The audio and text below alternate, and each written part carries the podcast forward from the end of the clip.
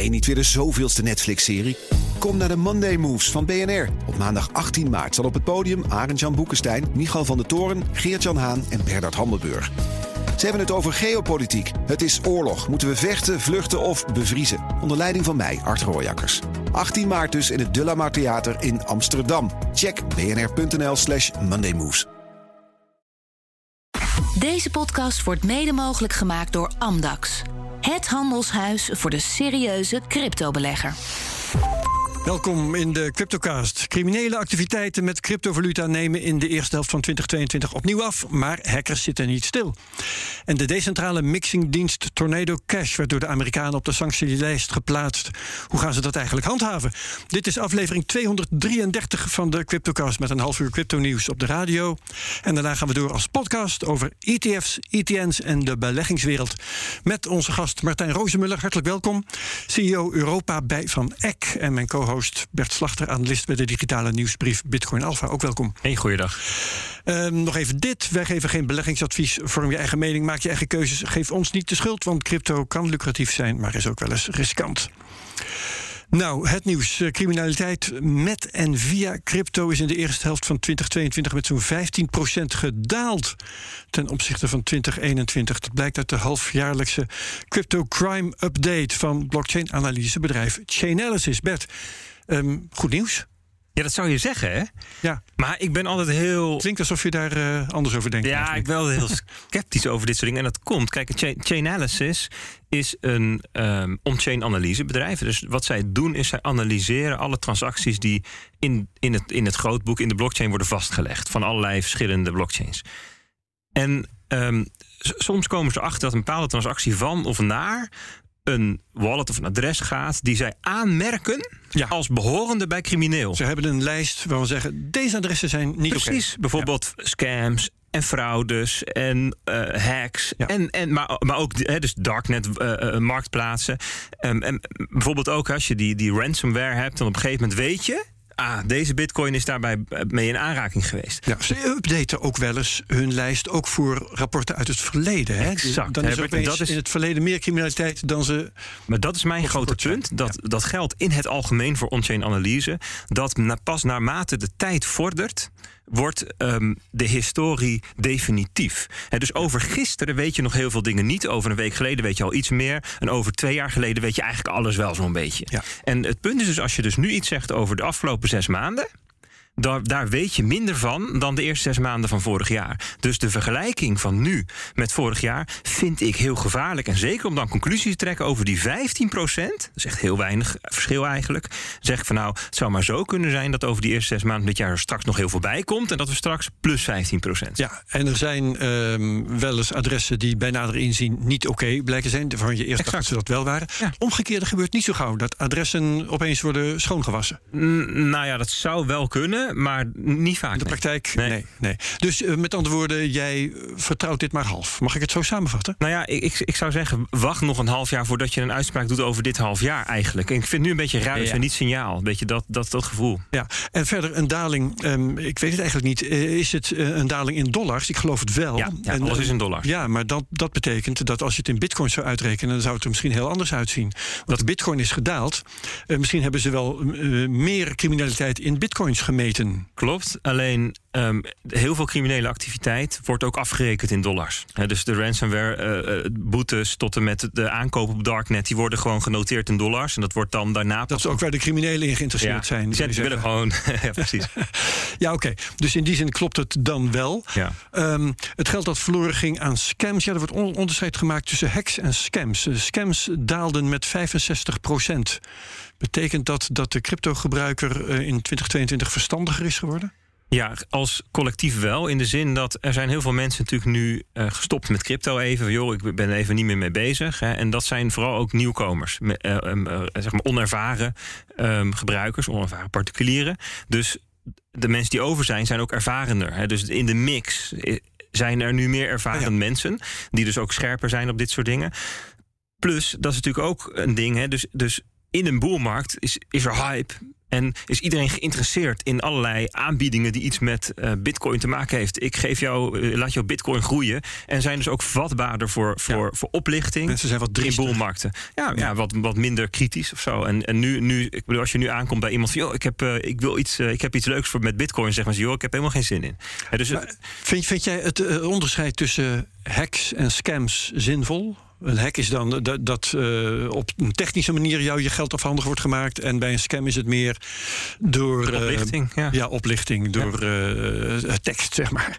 Ja, ik denk wel dat het een, een goed een belangrijk verschil is. Omdat ook de, um, de, de, de, de oplossingsrichting anders is. Hè. Dus de een, dat doe je met, misschien met, meer met voorlichting of met een bepaald soort uh, regels over hoe je dingen moet aanbieden. En het ander zou je misschien moeten doen met allerlei technische waarborgen. Ja. Dus misschien zelfs dat er andere toezichthouders zijn die daar wat van, van gaan vinden. Ja, zeker. Martijn Roosemuller, uh, jij werkt voor een organisatie die uh, beleggingsproducten uitgeeft. Hè, ETN's, ETF's in dit geval. Um, die relatie tussen crypto en criminaliteit, is dat iets waar jij je druk mee bezighoudt? De reputatie van crypto?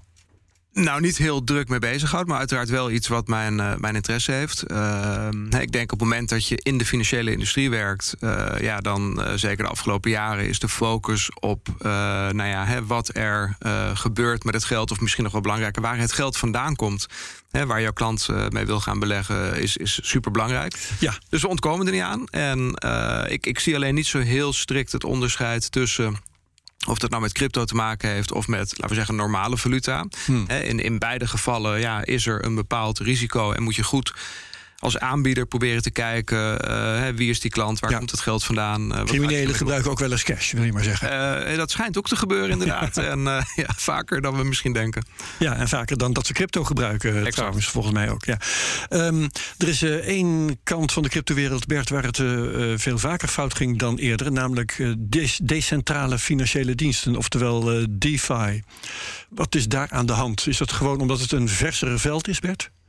Ja, nou, ik denk vooral, um, ja, het, is jonger, het is nieuwer, ja. het is experimenteler, dat is waar, maar het is ook uh, complexer. Het is um, fundamenteel complexer. Dus die complexiteit hebben we niet zelf veroorzaakt, maar die is inherent aan de vraagstukken ja. die opgelost worden. Valt ook meer te hacken. En, en, er valt dus meer te hacken. Er zijn dus meer manieren waarop dingen stuk kunnen gaan of kwetsbaarheden kunnen hebben. Um, en er, er zijn allerlei soorten hacks mogelijk. Hè. Dat kunnen technische hacks zijn, maar het kan ook, en dat we vaak zien social engineering zijn, dus dat, dat je de mens als kwetsbare factor misbruikt. Hè. Dat kan een ontwikkelaar zijn die iets fout doet of hè, die, die, die, die je uh, omkoopt of zo. Weet je. Dus er zijn allerlei uh, invalshoeken die um, uh, bij decentralized finance um, voor kwetsbaarheden kunnen zorgen, die bijvoorbeeld bij Bitcoin of bij puur een basislaag niet bestaan. En de, de, ja. dus dat is ook de plek als je veel geld wil, wil halen, dan moet je daar zijn. En zou dat op een keer over kunnen gaan? Of blijft het zo? Want het blijft natuurlijk complex. Het blijft ook complexer dan gewoon bitcoin kopen en verkopen. Nou, wat je wel ziet, hè, dan kunnen we de vergelijking wel maken met software. Hè. Dus neem bijvoorbeeld Linux als, als uh, besturingssysteem, wat ja. al tientallen jaren bestaat. Dan zie je ook dat in de loop der tijd bepaalde stukjes uh, code um, een soort van verstenen, uitharden. Die zijn getoetst en geteisterd en getest door de tijd. En die werken gewoon en die zijn, ja, die zijn goed. Die, die zijn in orde. En er wordt er heel af en toe nog een keer iets gevonden, een bug, maar dan is dat ook klaar. En dat zul je misschien met DeFi ook gaan zien, dat bepaalde protocollen, en neem een Uniswap of een Aave, dat die op een gegeven moment zo ongelooflijk veel getest en uh, bekeken zijn. Ja, die zijn zoals ze zijn, zijn ze in orde. En allerlei nieuwe dingen, dus bijvoorbeeld bridges, dus verbindingen tussen twee blockchains, is dan nieuw en experimenteel. Dan gaat het daar wel weer mis. Totdat het op een gegeven moment ook uithardt. Ja, ja, ja, ja oké. Okay. Nou, dan, dat wachten we dus af, hè, dat uithardingsproces. Ja, tien jaar. Weet je, dan en er zijn er ongetwijfeld weer nieuwe dingen ja, waar uh, de criminaliteit vat op krijgt. Oké, okay. um, we zijn op het punt dat we meestal naar jou overschakelen uh, als je aan een lijnverbinding zit. Om met jou over de prijzen te praten. Doe het nou gewoon hier met jou. Wat handig. Ja, dat is wel leuk dat je er bent. Um, ja, uh, vertel eens iets over de prijs. We zitten op een niveau van 24.000 dollar met de bitcoin. Um, twee of drie weken geleden viel mij op dat er een, een patroon zich aan het vormen was... Uh, van een week omhoog, een week omlaag. En dat, zo ging dat de hele tijd door uh, met toch wel steeds wat hogere toppen en hogere bodems. Dat, dat gebeurt nog steeds.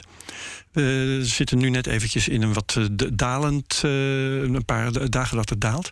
Wat, wat maak jij ervan op dit moment, hoe de koersen zich ontwikkelen? Ja, dus, dus die, dat patroon wat je ziet, dat is echt door de oogharen. Hè? Want als, je, als je precies gaat kijken, dan is het vier dagen, vijf dagen, acht dagen. Weet je wel. Dus het is niet een soort van magisch patroon. Nee, het gaat niet op de kalender. Nee. nee. Maar kijk, het is misschien ook goed even na een aantal weken uh, um, zomertijd om even wat uit te zoomen. Hè. Dus begin um, mei hadden we de Luna crash, begin juni hadden we de Celsius crash. En eigenlijk sindsdien, de afgelopen, nou, dus wel een week of acht, dat we tussen 20 en 25.000 dollar zitten. En ik denk wel, wat je dus, dus zag, dat ook allerlei bedrijven failliet gingen, allerlei protocollen stuk waren. En het, dat, dat heeft tijd nodig om, om zichtbaar te maken welke bedrijven zijn er nou blootgesteld aan aan die risico's. Hè? Wie hebben nou te veel risico En hoeveel en wie gaan niet? precies, wie gaan er failliet, wie gaan er overgenomen worden. En dat is eigenlijk wat je nu, nu uit uh, ziet spelen. Hè? En, en, en nou ja, het is echt een bearmarkt. Dus we hebben weinig activiteit, um, weinig toestroom van nieuwe gebruikers. En dat betekent dat wat er over is, dat zijn gewoon ook wel allerlei spelers die, die, die vooral kijken naar macro-economische ontwikkelingen. En dat is ja, waar we nu op wachten. En, als je, en ja, wat ze daar aan de hand kijken naar de Verenigde Staten, de inflatie die bestreden moet worden. En hoe gaat de Fed daarop reageren? Wat voor beleid maken ze? En, en, en, en dan de overgang van, oh, we zijn bang voor die hoge inflatie. Naar, komt er misschien een recessie? Hebben we misschien een recessie veroorzaakt? Of wel of niet. En dat, weet je, dat, dat is eigenlijk de fase waar we nu in zitten. Dat de markt zich afvraagt: komt die recessie er of niet? Of krijgen we inderdaad een soft landing, namelijk dat we de inflatie weten te bestrijden zonder de recessie te veroorzaken? Nou ja, de afgelopen drie, vier weken heb je een nieuw rentebesluit gehad en een nieuwe inflatierapport van de, van de Amerikanen. En de markt heeft een beetje hoop gekregen dat het daadwerkelijk gaat lukken. En daarom zie je eigenlijk alle risico assets, zoals Bitcoin en Ethereum, dus crypto, maar ook aandelen, nu weer ietsjes stijgen. Maar de, vraag, de grote vraag die boven de markt hangt, is dit houdbaar? Gaan we inderdaad die soft landing krijgen of niet? En als dat niet zo is, dan zul je ook alweer zien dat er weer zwakte komt. Dus ja, ik zou zeggen, weet je, um, leg niet te veel betekenis aan een stijging van 20 naar 25. Nee. Of aan een patroontje van hogere Wordt top en dalen. Het is maar een bear rally. Ja, maar dat is het dus ook. Totdat blijkt. Weer omlaag. Ja, nou, dat, dat, dat, sterker nog, een bear market rally betekent dat het een tijdelijke uh, opluchting is in een uh, langetermijn daling. En de vraag is, hè, dus de grote vraag is: hebben we de bodem gezien van Bitcoin, maar ook van andere financiële markten? En ik denk dat de consensus nu is: nee, eigenlijk niet, want de kans is groot dat de recessie zich wereldwijd gaat, gaat uh, materialiseren. Denk jij dat ook, Martijn Rozemuller? ja, ik ben altijd heel voorzichtig met dit soort voorspellingen. Ik ben van nature overigens heel optimistisch. En uh, ben dus niet heel erg bang uh, voor dit scenario. Maar ja, veiligheidshalve, je kan het zeker niet uitsluiten. Ik denk alleen dat als belegger dat je sowieso uh, moet voorkomen te veel de toekomst te willen voorspellen en je positie daarop te willen innemen. Ja. Ik denk dat je als belegger eigenlijk op alles moet, uh, op alles moet zijn voorbereid. Een strategie hebben. Ook die recessie. Ja, ja, ja oké. Goed, laten we weer naar nieuws gaan kijken. Want uh, eind vorige week uh, was de decentrale mixingdienst, mixingdienst Tornado Cash in het nieuws. Door het Amerikaanse ministerie van Financiën op een sanctielijst geplaatst. Kort daarna werd de ontwikkelaar van het protocol, een 29-jarige Nederlander notabene, opgepakt in Amsterdam. Uh, Bert, kun je uitleg, uitleggen wat zo'n mixingdienst doet? Zeker. Normaal, hè, als je in decentralized finance geld naar een smart contract stuurt, dan krijg je in ruil daarvoor een token. Waarmee je later, een muntje, zeg maar. Ja, waarmee, Je, waarmee je later je geld kunt terughalen uit dat smart contract. Een beetje vergelijkbaar met dat je je jas inlevert bij de garderobe... en dan krijg je een papiertje met, met een nummertje erop... en dan kun je later jouw jas weer terughalen. Het probleem daarvan is dat je dus in de blockchain data... kunt volgen wat er gebeurt. Nou, en wat doet Tornado Cash? Daar stuur je ook geld naartoe. Dat komt ook in een pool terecht. Maar in plaats van zo'n ontvangstbewijs... Um, spreek je een sleutel af, die wordt wel opgeslagen. En bij het ophalen kun jij bewijzen dat je die sleutel hebt zonder hem te laten zien. Namelijk met een zero knowledge proof, zo noemen we dat. En het hele aardige daarvan is dat je dus de verbinding tussen het erin stoppen en het eruit halen verbreekt. En je dus het het pad niet meer kunt volgen. En het anonimiseert dus transacties. Ja, en dat kan, er zijn allerlei hele uh, legitieme redenen om dat te willen. Hè. Stel dat jij um, op een bepaald walletadres je salaris ontvangt... en je wil graag een donatie doen aan een politieke partij... maar je vindt niet dat jouw werkgever dat hoeft te weten. Hmm. Nou, dan zou je een stukje, 500 dollar... dat zou je uh, uh, daar de verbinding kunnen losknippen via Tornado Cash... en daarna kun je het, um, die ja. donatie doen zonder dat jouw werkgever dat De oprichter van Ethereum heeft daar zelf trouwens ook een voorbeeld van gegeven. Hè. Die heeft dus een, een Rus, Vitalik Buterin... en die die heeft gedoneerd aan de strijd van Oekraïne. Ja, en hij heeft het dan maar uh, uiteindelijk bekendgemaakt. Maar uh, het zou wel een hele goede reden zijn geweest om dat anoniem te doen. Want niet alle Russen die voor Oekraïne, Oekraïne zijn, willen dat Rusland dat weet. Klopt. Ja. Goed, dus dat is Tornado Cash. Nou hebben de Amerikanen vorige week heel hard ingegrepen. waarom deden ze dat? Ja, de officiële reden is dat er volgens hen via Tornado Cash veel geld wordt witgewassen. En dat dus het programmeren en het aanbieden van zo'n dienst witwassen faciliteert is wel, wel aardig. De minister van Buitenlandse Zaken. Chainalysis die, bevestigt dat trouwens. Hè. Die, dat ook van, uh, die, die 7 miljard die ze sinds hun uh, oprichting in 2019 hebben uh, omgezet. Daar is zeker een deel van illicit, zoals ze dat Ja, ja dus, dus dat, dat, zou, dat zou zeker kunnen. Hè. Ja. Dat, dat tools gebruikt worden door boeven. Hè. Dus auto's worden ook en wegen en zo. Weet je wel. Redelijk te verwachten. Maar wat wel opvallend is, is dat um, Anthony Blinken, dat is de Amerikaanse minister van Buitenlandse Zaken, die, die um, plaatste een tweet die daarna heel snel weer werd, waarin hij Tornado Cash um, een hackgroep uit Noord-Korea noemde. Dus dat, wat dat betreft, ja, dat is nog wel een beetje. Zit nog dat wel was feitelijk onjuist. Althans, er was geen basis voor. Nou, we hebben dat, niet, dat is in ieder geval niet aangetoond. Nee, nou, er was wel, wel een Amsterdammer bij betrokken, weet On, on, onder andere, ja. Ja, ja oké. Ja, precies, want het hoeft niet de enige te zijn. Oké, maar waarom grepen ze... Ze, ze, ze um, zeggen dat ze witwassen willen tegengaan... maar hebben eigenlijk een andere agenda? Bedoel je dat te zeggen? Nou ja, dat, is, dat, dat weten we niet. Hè. We weten niet precies nog, want de aanklacht, is, aanklacht tegen die Amsterdammer bijvoorbeeld is nog niet bekend. Hè. En, um, en, en het is ook nog niet helder um, um, hoe, hoe, dit precies gaat uitspelen. Hè? Want, de, want ze, wat ze hebben gedaan is adres op een sanctielijst gezet. Hè? Um, maar er zijn nog geen rechtszaken over gevoerd, bijvoorbeeld. Nee. dus dat, dat ja. moeten we echt nog zien. Je mag niet in, in interactie gaan met die adressen. Dus je mag niet uh, daarvan geld ontvangen. Je mag er geen geld naartoe overmaken. Uh, is dat het enige? Want de, deze Amsterdammer heeft dan blijkbaar software ontwikkeld... Uh, voor Tornado Cash. Maar ja, is daar een wet tegen, kun je je afvragen. Ja, dit is, dit is dit, um, echt, echt wel een heel belangrijk onderwerp. Hè? Want um, programmeurs oppakken, tools en code strafbaar maken. Ja, dat gaat wel ver. Het is een beetje, een beetje alsof je KPN op de sanctielijst zet en Apple developers oppakt omdat criminelen een iPhone gebruikt. Een beetje die richting ja, ja, zit het okay. wel. En het doet mij een beetje denken aan de crypto wars uit de jaren 70, 80 en 90. Toen wilden overheden namelijk voorkomen dat gewone burgers en gewone bedrijven de beschikking kregen over sterke versleuteling.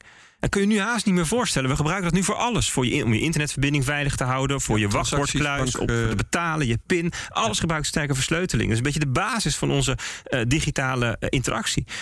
Um, maar toen was het argument. Criminelen kunnen het gebruiken en dus moeten burgers hun privacy maar inleveren. En dat zien we dus nu eigenlijk weer. Privacy wordt verdacht gemaakt. Als je mixer gebruikt, heb je vastnode plannen. Uh, ja, dus, dus, dus wat we nu wel zien in de cryptowereld is dat men nu gaat proberen om tools te maken die niet verboden kunnen worden technisch. En men gaat rechtszaken starten. Omdat men wil de bodem hiervan zien. Ja, dus daar moet heel veel worden uitgezocht. Ja. Wat in feite nog niet uitgezocht is. Klopt. Nou, dan gaan we dat uh, afwachten. Um, gaan we eventjes kijken naar um, de volgende uh, podcast die we maken met Martijn Rozemuller. Uh, na, na, deze radio-uitzending gaan we verder als podcast. we gaan het hebben over Bitcoin ETF's en ETN's. Want zo noemen jullie ze. Um, je was een jaar geleden te gast in de Cryptocast. En toen uh, was in Europa al jullie ITN. En dat is een klein. We gaan het straks duidelijker maken in de podcast. Ik doe nou even of we het allemaal wel weten. Jullie hebben een ITN in uh, Europa uh, waar je aandelen in kunt kopen, zodat je in Bitcoin belegt in feite. In Amerika was toen de vraag: komt er een Bitcoin ETF? Een Exchange Traded Fund waar je aandelen in kunt kopen, zodat je in feite in Bitcoin belegt. inmiddels. Um, is er een Bitcoin-ETF op basis van derivaten, nog niet op basis van echte Bitcoins. Waarom duurt dat zo lang? Ja, ik denk dat dat alles te maken heeft met uh, hoe de SEC uh, daarnaar kijkt. En uh, dat ze nog steeds Securities niet... and Exchange Commission. ja, exact. Ja. en en ja, dat die toch nog steeds niet overtuigd zijn van het feit dat Bitcoin een nou ja, laten we zeggen, uh, valide onderliggende waarde is voor een beleggingsproduct. Ehm, wat het best gek maakt dat ze wel een futures versie hebben toegestaan. Want feitelijk uh, is een future op de bitcoin uh, nou ja, niks anders dan een doorgeefluik naar Ja. die bitcoin. Het cruciale verschil schijnt te zijn dat die futures, dat daar al wel toezicht op is en op de bitcoin zelf niet. Exact. Maar nou is het gekke natuurlijk dat je dus een product goedkeurt wat belegt in een ander product, wat weer belegt in bitcoin. Dus uiteindelijk heb je er een Ja. trapje tussen gezet, eh, maar nog steeds belegt het product in bitcoin. Dus ja, Ja. de vraag is dan hè, waarom je daar dan zoveel comfortabeler mee bent. En ja, inderdaad, die future-markt, die wordt goed in de gaten gehouden. Maar als die achterliggende exposure nog steeds bitcoin is, ja, dan had je net zo goed dat tussenstapje misschien kunnen overslaan. Ja, toen jij de laatste keer hier was in februari vorig jaar, toen eh, anderhalf jaar geleden, toen waren jullie eh, kort op de markt met eh, die Bitcoin ETN en hadden jullie in iets als twee maanden tijd 100 miljoen binnengehaald. Dat was de bull market, de top van de markt, ging allemaal heel fijn. Sindsdien is er een bear market ingezet. Hoe gaat het nu met zo'n ETN? Nou, het grappige is dat de mm, eh, ETN's, hè, de, we hebben er inmiddels een aantal ehm, eh, op crypto, zich eigenlijk niet heel anders gedragen dan de ETF's op zeg maar, normale aandelen of obligaties. Namelijk in een bearmarkt zijn mensen iets minder geïnteresseerd dan in een boelmarkt. Eh, desondanks is het belegd vermogen inmiddels nou, nog steeds wel, laten we zeggen, rond de 200 miljoen in, in, in de bitcoin, zo'n 350, 400 miljoen in alles bij elkaar Ja. qua crypto. Dus het is toegenomen. Eh, maar als je daar eh, dan eh, bij in acht neemt hè, dat de, nou ja, de bitcoinprijs nu rond 24.000, hè, de, de top was rond de ze- 60. Ja. Ehm, hè, dan dan heeft dat koerseffect heeft natuurlijk een effect gehad op onze assets under management. Maar onderliggend hè, is het aantal uitstaande ETN's eigenlijk toegenomen. Daarover gaan eh, Bert Slachter en ik eh, jou zo direct in de podcast het hemd van het lijf vragen. Martijn Rozenmuller van, eh, van Eck, alvast hartelijk bedankt. Bert Slachter als mijn co-host in deze uitzending ook bedankt. Tot zover de Cryptocast op BNR. Wie meegaat naar de podcast, heel graag tot straks. Wie het hierbij laat, bedankt. Heel graag tot volgende week bij de Cryptocast op BNR. Hoi. Deze podcast wordt mede mogelijk gemaakt door Amdax. Het handelshuis voor de serieuze cryptobelegger. Je hebt aardig wat vermogen opgebouwd. En daar zit je dan, met je ton op de bank. Wel een beetje saai, hè? Wil jij, als belegger, onderdeel zijn van het verleden of van de toekomst? Bridgefund is een slimme fintech die een brug slaat tussen de financiële behoeften van ondernemers en van beleggers. Dus wie belegt bij Bridgefund krijgt niet alleen een mooie vaste rente, maar brengt ook ondernemers in beweging.